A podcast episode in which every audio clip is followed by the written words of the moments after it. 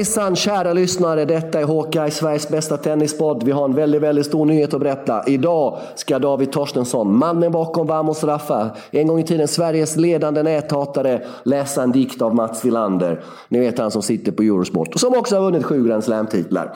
Detta är som sagt Håkans bästa tennispodd. Vi har det tillsammans med Betthard. Jag heter Sladjan och David heter fortfarande David. Och du har varit elak hela veckan David. Du kallar mig för tjock. Ja, jag kallar dig för något ännu värre nyss, eller hur? Vi blev nästan osams innan eh, sändning. Kan vi, ska vi säga vad jag kallade dig eller trycker vi på censurknappen? Nej, nej, det, tyck, nej det ska vi Nej. inte. Det, det är censurknapp. Nej, tjock. Du, det, det, skjortorna börjar ju smita åt Sladjan. Nu, du, du, du har ju en aura av att vara väldigt smal. Men sen påpekade du där från början att du har blivit tjock. Och folk ser ju vad de ser i de här inför-videorna. Du har ju blivit lite tjock. Det är liksom de här figursydda skjortorna du har. De, de, de hänger inte slappt längre. Det gör de inte. Nej, nej, det är sant. De där skjortorna kom för ett år sedan, skräddarsydda, satt som en smäck. Det gjorde de inte, upptäckte när jag såg den här lilla promo, promo, promovideon vi gjorde som vi släpper på sociala, helst, ja, på sociala medier eh, inför varje program. Så att det blir att börja gymma. Jag har, inte, jag har inte varit på gymmet sedan i augusti. Lägga om matvanorna lite och sådär. Och jag ser smaltjock ut och det är ingen komplimang. Fet men smal. Hur blir det med inför-videon idag? Kommer du göra den inför någon slags eh, kroppstrumpa istället? Eller blir det samma skjorta igen? Eller hur ligger det till? Ja det, ja, det är mycket energi som man går, går med gåt här nu. Podda med dig, sen kör fotbollspodd, sen ska jag spela in lite videos i en studio. Så jag har inte ätit på en vecka, håller in magen här och helt utmärglad i kinderna. Så vi får se om jag lyckas komma igenom den promotion-videon så ska det bli lite bättre. Men eh, jag märker att jag, betalar, att jag börjar betala priset eh, Har du pigghetsmässigt druckit kaffe idag Sladjan? Du låter otroligt snabb. Det, det är bra tempo, det gillar vi. Kaffe, har hunnit tvätta i en maskin, hängt upp torken och sagt, kört in i en maskin till. Så att, jag menar, idag är vi på G. Idag är vi på G.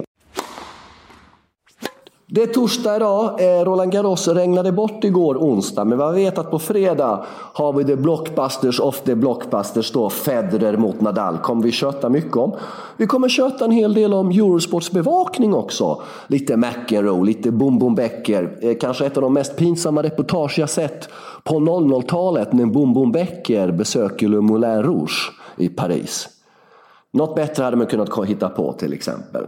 Eh, vi ska ha veckans spelare och vi kommer liksom prata om Mats Wilander, poeten och mycket, mycket, mycket annat.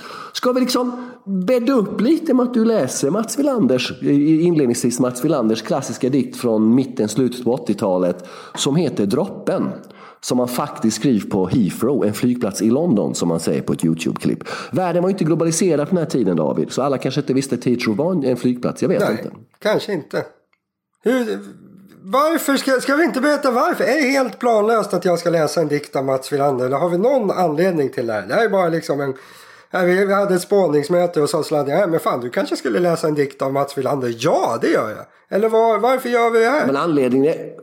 Ja, men det är väl en ganska uppenbar anledning. Han sitter för fan i tv varje dag och pratar om, om Franska öppna som vi sitter och tittar på, du och jag och de som lyssnar på den här eh, podcasten. Det är väl det som är anledningen. Jag menar, är inte det ganska Ja, uppenbart? Och Frågan är om folk har folk koll på det här att han har skrivit nej vad fan nu kör vi får jag läsa dikten nu? Ja, men då är det bara att gå in och googla på... Han, har ju slä, han släppte ju en diktsamling för guds skull i mitten, slutet på 80-talet. Vi som varit med några vet om det. Annars är det bara att gå in och googla Mats Wilander, dikter. Eh, man finns massa klipp från det här Godmorgon Sverige, eller vad det hette, som gick på lördagar förr i tiden. Det är en, en orgenoas Det går fortfarande på dikten tv ur Sladjan. Vad fan kom, in i, kom hem till gemenskapen så du förstår att Ja, nu höll jag på att säga kommunisttelevisionen. Men SVT finns fortfarande i högsta grad. Och eh, morgonprogrammet. Kan jag få läsa dikten nu eller? Ja, det är, ty- ja, exakt. Äntligen. Nu, nu, nu kommer den. Ja, Nu börjar dikten jag. Jag sitter mitt ibland gamla och unga människor på det här fiket. Framför mig står en bricka med en kopp kaffe med två sockerbitar liggandes på koppens tallrik. Snart ska de ner i det varma kaffet och kämpa för att inte bli nedsmälta. Jag greppar dem mellan tummen och pekfingret. Precis när jag är ovanför koppens runda väggar tappar jag ner dem, båda två, i kaffet. Lät det. Samtidigt som en droppe kaffe far upp ur koppen. Liksom den hade legat där nere på botten och bara väntat på att hämnas. Hämnas bara för att sockerbitarna sjönk ner på botten och tog hans plats. Så nu befinner sig droppen hotfullt långt ovanför koppen. Precis, plötsligt vänder den och tar fart mot mig och min vita tröja. Jag hinner inte undan. Droppen träffar mig mitt på magen. Jag tittar ner och ser den dra ut sig lika stor som en tumnagel. Jag har helt glömt bort sockerbitarna som ligger där nere på botten och får lungorna fyllda med svart kaffe. De dör bara för att ge mig njutning. På bordet står också en askkopp. Det ligger fem fimpade cigaretter i den. Tillsammans bildar de en fruktansvärd massgrav. En onödig massgrav. Jag reser mig upp och går min väg. De flesta liv tänds och släcks allt för snabbt. Av Mats Wilander. David, tack ska du ha. Har vi en, har vi en applåd? Eh, någon slags ljudeffektsapplåd efter eller? Ja. Men innan vi går vidare så lyssnar vi på Mats egna ord när han blev intervjuad tror jag i Sveriges Television på 80-talet om den här dikten, hur den kom till. Det känns väldigt andäktigt. Vi tar ett djupt andetag och lyssnar på Mats. Varsågod Mats. Jag sitter mitt ibland gamla och unga människor på det här fiket. Framför mig står en bricka med en kopp kaffe med två sockerbitar liggande på koppens tallrik. Snart ska de ner i det varma kaffet och kämpa för att inte bli nedsmälta. Jag greppar dem mellan tummen och pekfingret.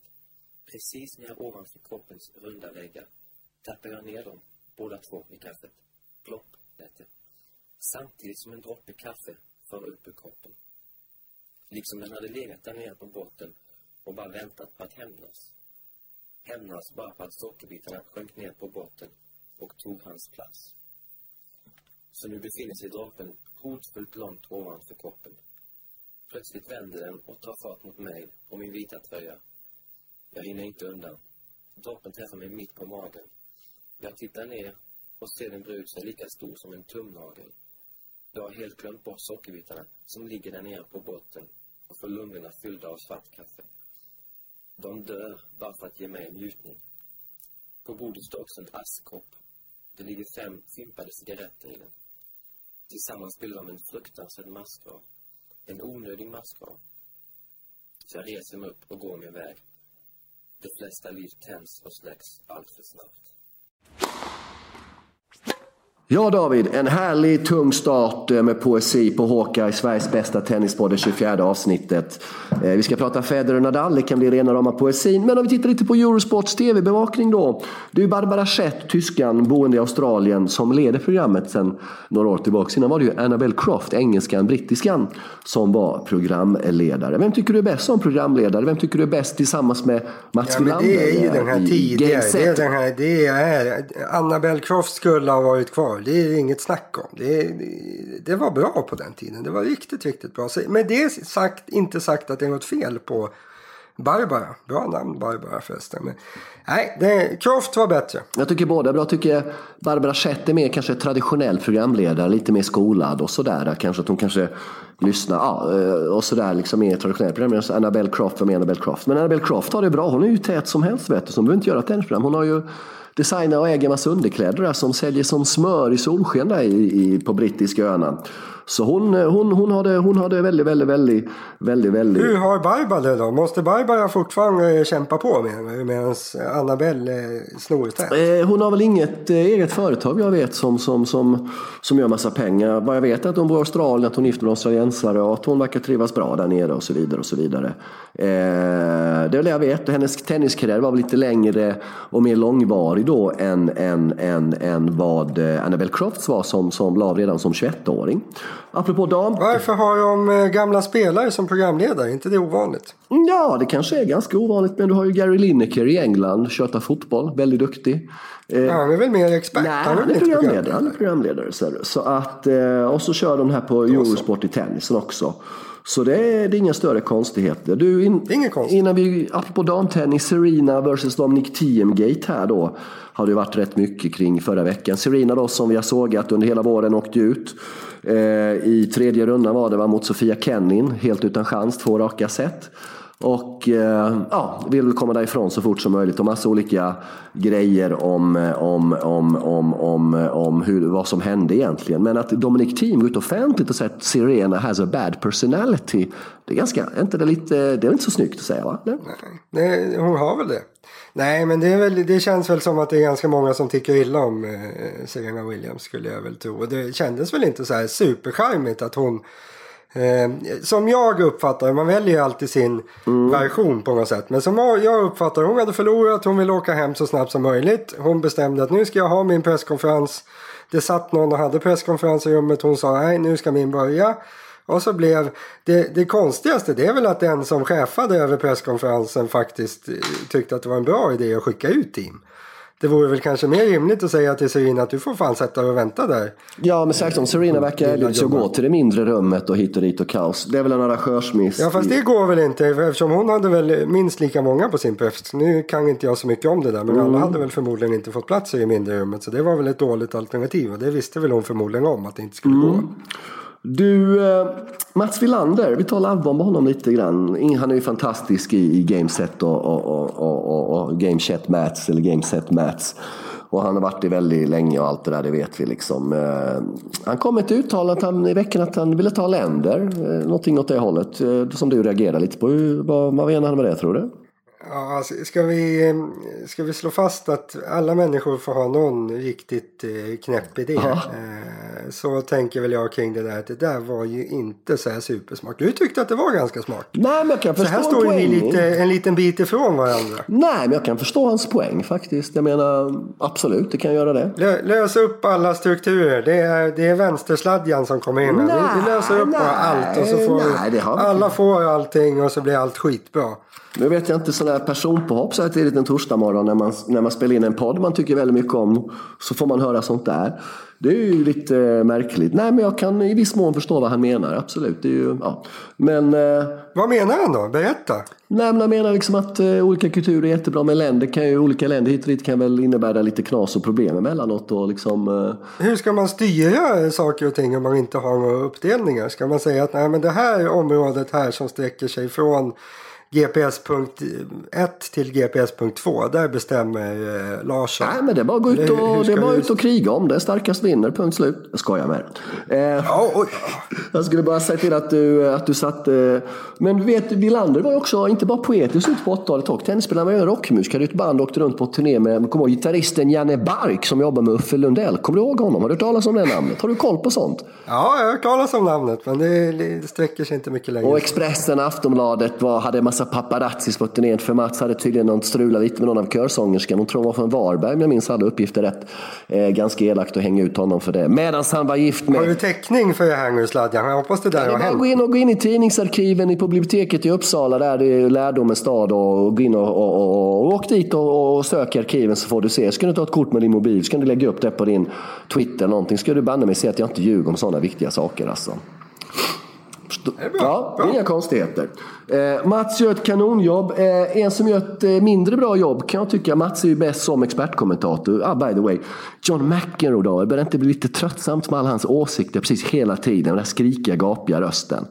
Om man skulle säga någonting ja, tyst någon inte, gång det... så kanske det skulle fastna lite mer. Jag, jag, tror ju, jag kanske har samma svaghet lite grann. Att jag, vill ju, jag tycker ju saker hela tiden och väldigt tycker mycket saker. Kanske, jag är ganska tråkig nu men förut var jag i alla fall så att jag ska alltid tycka något stenhårt och sen kör jag på den linjen.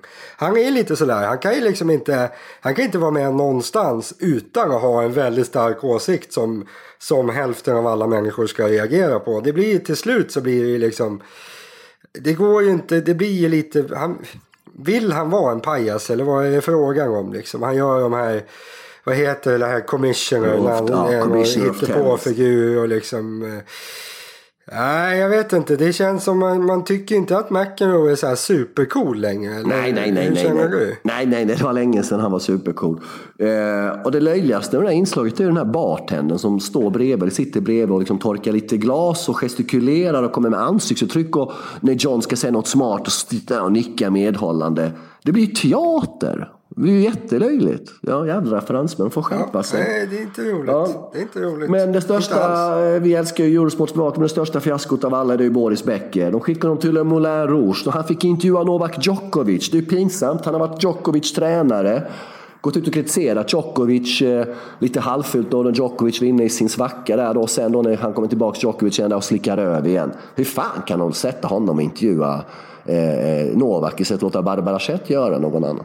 Vi, vi älskar Eurosport men vi tycker att allt är värdelöst. Nej, jag tycker allt är skitbra, men vi måste få ha lite åsikter också. Men jag menar, hallå, du kan ju inte ha... Nej, jag tycker inte att allt är skitbra. Snälla nån. Men nej, de, det gör väl, de satsar i alla fall. Det är rätt bra. Men eh, de skulle kunna stryka. Jag, jag håller med dig. Becker kanske man skulle kunna sätta i någon eh, Glenn Hysén-låda ett tag. Han, han skulle väl passa för Glenn Hysén-livsstilen nu för tiden tycker jag. Han kan åka runt på lite, lite events och dricka öl. Det känns som det är Beckers nivå ungefär. Mm, när lottningen kom David så såg vi direkt att eh, Roger och Rafa på samma halva potentiell semifinal på Roland Garros. Och den kommer vi se då imorgon fredag om inte allt regnar bort. Eh, vad är vibben inför matchen?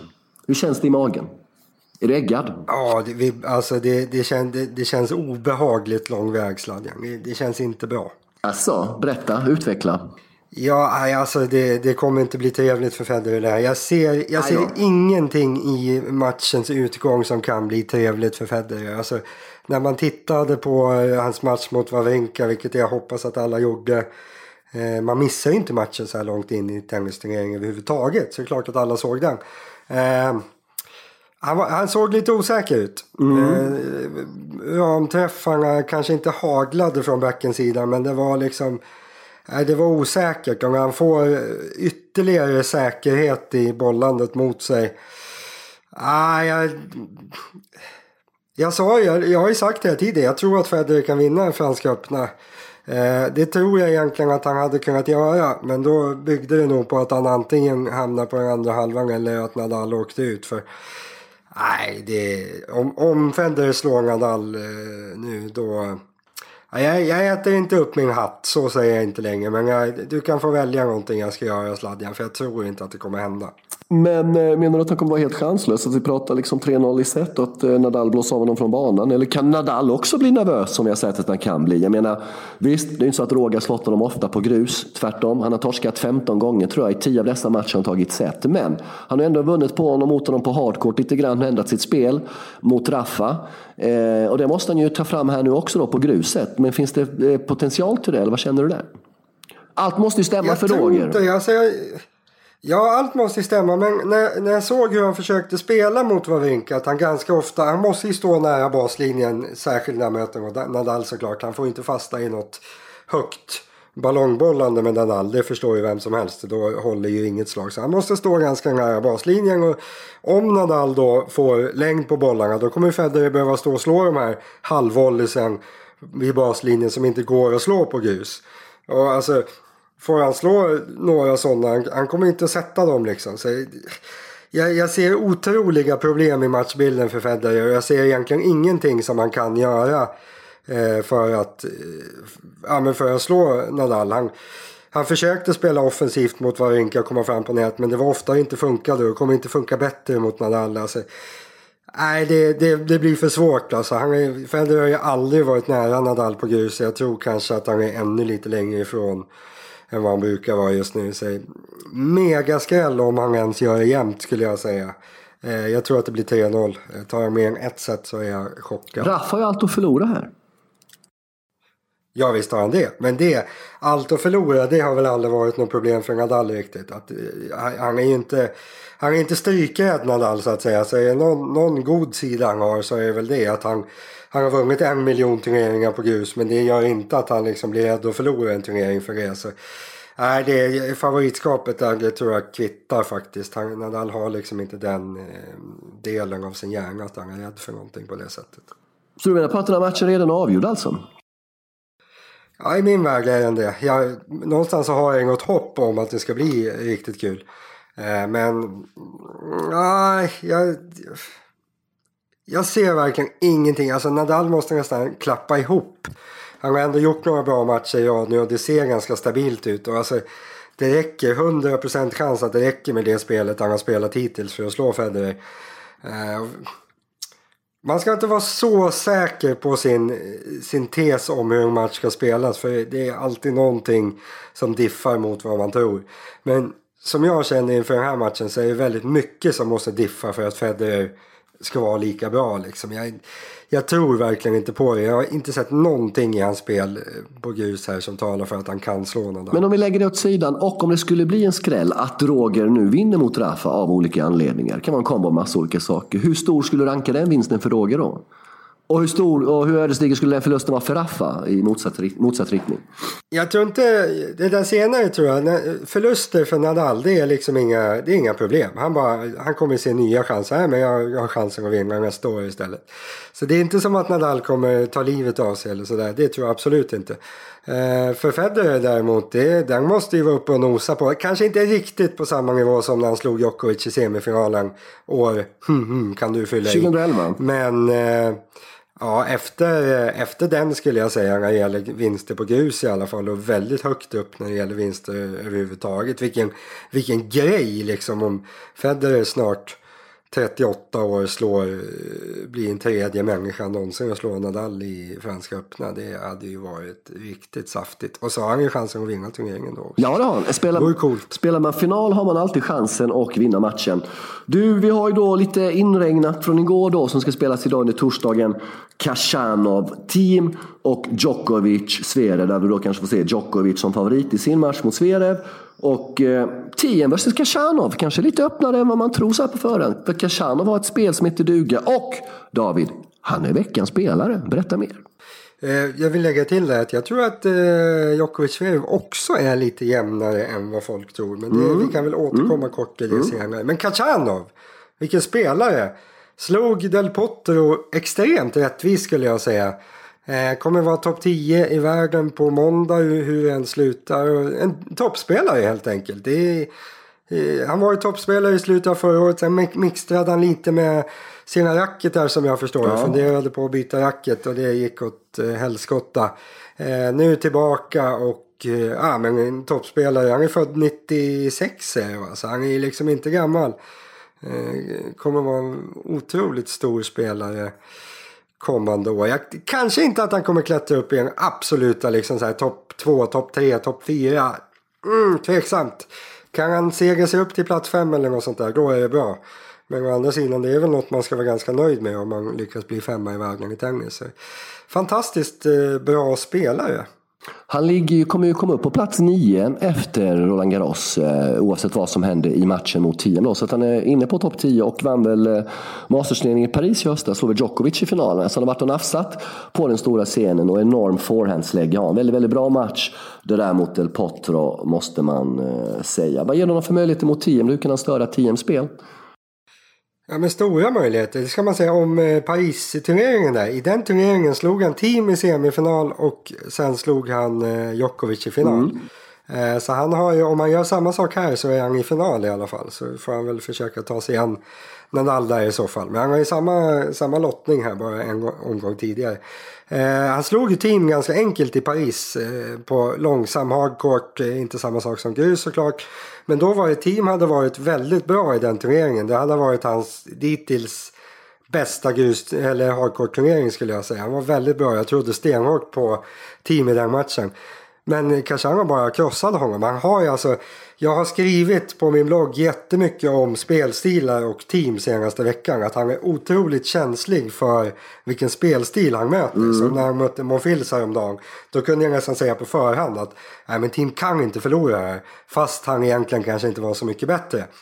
Så han är liksom, han är väldigt spelstilkänslig team. Att han, han behöver möta en spelstil som gör att han får fram sina goda sidor.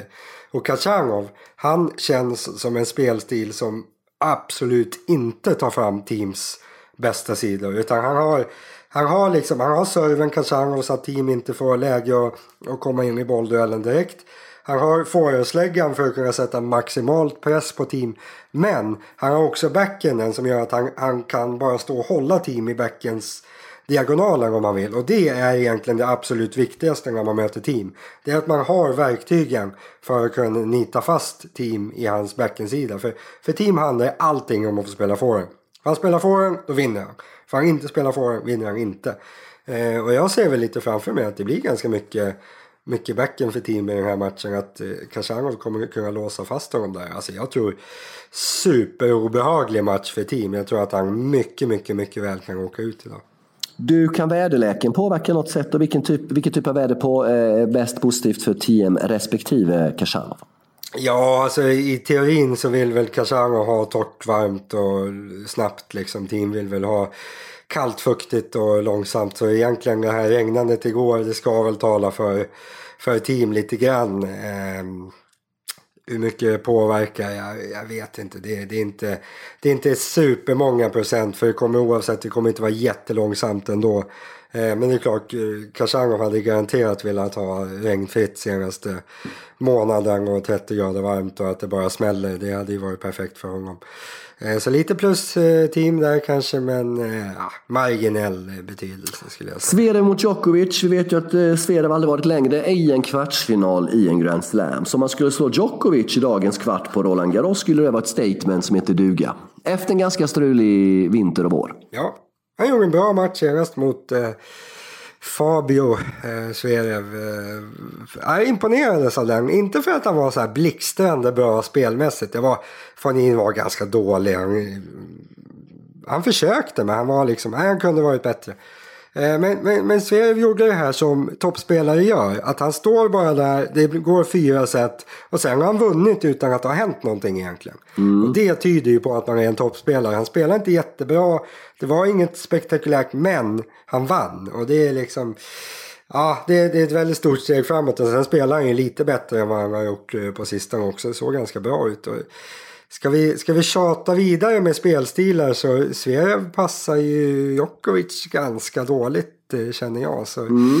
gör han en riktigt bra match idag Zverev då tror jag faktiskt att Djokovic får hålla lite i hatten där också. Hur tycker du Novak, den förfärlige Djokovic, har sett ut i sina fyra matcher? Eh, han verkar vara väldigt fokuserad och målmedveten. Ja, mm. det, det känns det som. Sen, han, han visar inte jättemycket mer än vad han måste känns det som. Det är liksom Eh, han, kan, han har vunnit ganska stort någon match men Djokovic storhet det är ju liksom kunna pressa upp sin nivå till 100% när han möter det tuffaste motståndet. Eh, när han möter ett lite sämre mot. Han anpassar sig efter motståndet kan man säga till viss del. Eh, men han har ju sett ungefär så bra ut som man kan göra. Så Djokovic, ja det, det, är väl han som ska möta Nadal i finalen och försöka slå Nadal i finalen. Det är väl det mest realistiska utfallet av det här. Så Djokovic har ju sett jättebra ut såklart och Zverev är inte uppe på sin högsta nivå. Så det, det känns ju väldigt roligt att Djokovic vinner. Man ska inte, man ska inte dra för stora växlar på när jag, när jag pratar om spelstilar hit och dit. Att Zverev kanske har lite lätt för Djokovic. Djokovic får se upp. Det är klart att Djokovic är stor favorit till att vinna matchen. Ingen snack om saken. Du, äh, berätta för mig. Tror du fortfarande att Djokovic eh, vinner hela turneringen? Som du trodde förra veckan? Sett till oddset så, så var det ju bra. Det var väl, jag valde honom som slutsegrare på oddset liksom. Mm. 3,70 tror, typ. tror, jag tror ju att Nadal vinner. Det är, alltså Nadal är favorit. Så är det bara. Det, det, titta bara på hur det såg ut i, i Rom liksom. Han hade kontroll på Djokovic. Sen kan det vara en helt ny match nu men... Nej det... Eh, det är ingen snack om att jag tror. Jag tror att Nadal vinner men jag, jag tycker att det är större chans att Djokovic vinner än vad oddsen säger just nu. Jag tror att det kan bli en väldigt jämn... Finalen kan ju bli fantastisk. Kan bli, alltså det var ingen stopp på pressarna på det där. Men jag har stora förhoppningar på att den blir fantastisk. Ja, och du vill, du vill se, vilka vill du se i finalen? Ja men det är klart jag vill se Djokovic och Nadal. Det är alltså, det om vi inte får se dem i finalen då är det ju en besvikelse. Det är liksom, det är det som är titel, titelmatchen på något sätt. Visst det kan bli team som kanske har ännu större chans mot Nadal än vad Djokovic har egentligen för att han har så extremt lätt för Nadal. Men nej, jag vill absolut se eh, Djokovic och Nadal. Om det blir de två i final, eh, kommer publiken stödja Rafa eller Nåle eller kommer det bli 50-50? Min feeling är faktiskt att det kanske blir lite övertag för Nåle publik där, om det är Rafa i finalen möter. Ja. Vad tror Varför du? då? Varför då? För han är ju väldigt uppskattad och populär i Frankrike. Eh, han har ju bott i, i furstendömet Monte Carlo sedan vad är det, 2003 va? Eh, och talar ju flytande franska, väldigt, väldigt bra. Eh, och publiken var ju bakom honom när han slog Murray i finalen 2016. Eh, så att, eh, och Rafa eh, har väl haft lite duster det var en klassisk match mot Sebastian Grosjean i, i tidernas begynnelse i någon av hans första Roland Garros där han fick publiken mot sig. Han är inte så älskad av Roland Garros-publiken fast han har vunnit det elva gånger. Det är väl inte Djokovic i Australien heller fast han har vunnit den sju gånger.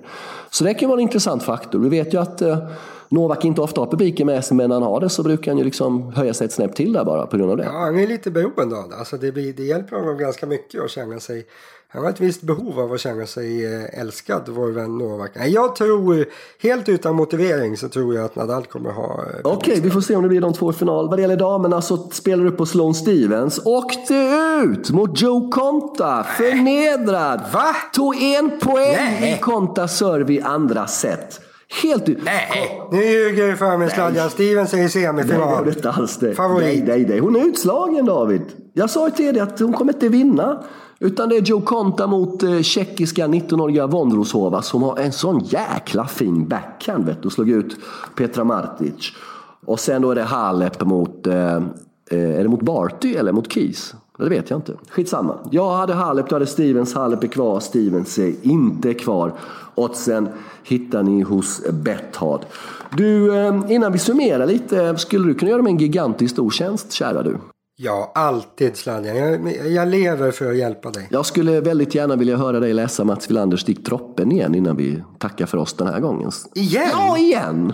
Oj. Ja, men lite med inlevelse. Tänk att, du, tänk att du står på en scen på någon sån här skum studentnation i Uppsala, Smålands eller Norrlands eller whatever. Liksom. Och det är basker och det är rödvin och det är baguette. Tänk fan att du är i Paris istället och du är där och läser en dikt i din basker och din baguette där. Och... Men varför? Jag vill, jag vill, folk vill ju ha en bakgrund till varför vi läser vi den här dikten verkligen för att hylla Villander. Det känns som alla hör ju att den är skitdålig. Ja. Så liksom du säger att vi ska hylla honom, Love Bob. Och, vi, vi, hånar vi honom inte? Nej, det gör vi inte. Vi ser bara upp hans bredd som människa, som konstnär och som yrkesman. Jag menar, hur många idrottsmän vågar ge ut en diktsamling? Hur många idrottsmän vågar gå ut, åka ut på rockturné? Det är ju det som är det häftiga med Mats. Han är en allkonstnär, mångkonstnär. Mycket mer verktyg i verktygslådan än den där tennisracketen. Vet du. Även en sexsträngad gitarr och och pennan och lite anteckningsblock. Så... Jag skulle vilja ställa en fråga till dig Sladjan rörande den här dikten. Är det verkligen en dikt? Alltså han, jag, jag får det till att han beskriver hur han sitter och dricker en kopp kaffe. Alltså, jag, jag är ingen stö, stor skald. men är, det, är det en dikt det här? Eller skriver han bara en text om att han dricker kaffe? Ja, det är en jäkligt bra fråga. Ni som lyssnar, vi finns på sociala medier, vi finns på e-mail, eh, hawkeye där ni kan delge era åsikter om det här är en dikt eller inte, eller ställa andra frågor och så vidare. Det låter på dig som att du inte vill läsa dikten en gång till. Det är alltså ett... Jag kan läsa dikten, jag kan läsa dikten. Jag fick, jag fick den här känslan, jag har aldrig varit på en studentnation, men jag ser framför mig att det kan vara lite Ja, det blir lite feeling. Så jag, jag, om, jag, om jag tänker mig in att jag står här på scenen och så läser jag och lite bara. långsammare. Avslutar vi rakt av nej, sen nej, nej, vi säger hej. Alltså lite långsammare, lite mer tyngd, lite mer teatraliskt. Du vet så att typ, när du går på teater som man är tvungen att göra någon gång var tionde år. Så det är fascinerande för att eh, om du går på teater så hör du aldrig någon säga Jag älskar dig Åsa, utan det är Åsa, jag älskar dig. Lite den, den så här, svenska teaterrösterna. Kom igen nu David, kör, ge järnet nu, kom igen. Ja, nu, vamos David, nu kör vi, vamos. Nu kör vi, nu kör vi. Ja, nu kör vi, kör, kör. Jag sitter mitt i gam bland gamla och unga människor på det här fiket. Framför mig står en bricka med en kopp kaffe. Med två sockerbitar liggandes på koppens tallrik. Snart ska de ner i det varma kaffet och kämpa för att inte bli nedsmälta. Jag greppar dem mellan tummen och pekfingret. Precis när jag är ovanför koppens runda väggar tappar jag ner dem båda två i kaffet. Plopp lät det. Samtidigt som en droppe kaffe far upp ur koppen. Liksom den hade legat där nere på botten och bara väntat på att hämnas. Hämnas bara för att sockerbitarna sjönk ner på botten och tog hans plats. Så nu befinner sig droppen hotfullt långt ovanför koppen. Plötsligt vänder den och tar fart mot mig och min vita tröja. Jag hinner inte undan. Droppen träffar mig mitt på magen. Jag tittar ner och ser den dra ut sig lika stor som en tumnagel. Jag har helt glömt bort sockerbitarna som ligger där nere på botten och får lungorna fyllda med svart kaffe. De bara dör för att ge mig njutning. På bordet står också en askkopp. Det ligger fem fimpade cigaretter i den. Tillsammans bildar de en fruktansvärd massgrav. En onödig massgrav. Jag reser mig upp och går min väg. De flesta liv tänds och släcks allt för snabbt. Husch. Ja, det är poesi, det är en dikt. Det är inte en beskrivning av hans kaffekopp. Svettigt. Ja, mäkt- vad, vad vill han få fram med texten? Han, han eh, kritiserar ju rökning här i slutet. ja, redan på 80-talet gjorde han det. Vet du. Tänk det skulle låta idag. Ja, han är emot allt sånt. Droger och Ja, rökning. Är därför tände jag en cigg här nu medan du läste den andra gången. Här. Det var väldigt, väldigt god den ciggen. Ja, jag är helt omtumlad. Eh, Det är dags att runda av. Ni prenumererar på oss David. Det är viktigt att man gör det för då kommer de här nya avsnitten upp direkt. Eh, när de är ute och så vidare och så vidare. Eh, oddsen hittar ni hos Betthard. Eh, David skriver på på Vamos Raffa som under eh, Grand Slam-veckor inte är en mikroblogg utan en vanlig blogg, vilket jag tackar väldigt, väldigt, väldigt mycket för. Eh, vad kommer du skriva om eh, närmsta dagarna? Eh, I eftermiddag kommer jag ju då, eh, jag kommer ändra en rubrik framförallt. Jag har ju skrivit inför eh, onsdagens kvartsfinaler. Nu kommer jag ändra den så att det står inför torsdagens kvartsfinaler. eh, sen senare idag kommer jag skriva om hur fantastiskt bra Khachanov var när han slog ut team. Och eh, om att Djokovic trots allt var lite för bra för Zverev. Eh, sen nästa punkt det blir att jag skriver imorgon om hur mycket Nadal kommer att eh, göra otrevliga saker med Federer och eh, jag kanske inte ska avslöja mer. Det blir ju lite, li, lite uppgjort här liksom. Så, nej, jag kommer skriva om Franska öppna. Härligt David! Inte mer eller mindre än så. Underbart David, det börjar dra upp sig till Franska öppna. Vi önskar alla en trevlig helg. Det här avsnittet kan vi nog kalla för droppen tror jag. Och när jag spelar in eh, promotionvideon om några par timmar här så ska jag ha på mig en vit tröja som Mats hade när han skrev droppen. Och ska hålla in magen super, super, super, super, super mycket. Så att folk inte blir stötta av att se det här klippet. Prenumerera på oss, in och skriv till oss, mejla betthard at, förlåt, och så finns vi på sociala medier, där heter vi Hawkeye Underline Podcast på både Twitter och Instagram. Vi är tillbaka nästa vecka, kanske början på nästa vecka David. Tyvärr åker jag på utflykt Ja, på måndag, så då kan vi inte spela in. Vi kanske ska spela in på tisdag och följa upp Roland Garros, så det blir lite tidigare nästa vecka va? Ja. Tack till alla som har lyssnat, tack David på återhörande och njut av avslutningen av Roland Garros. Tack och hej! Hej!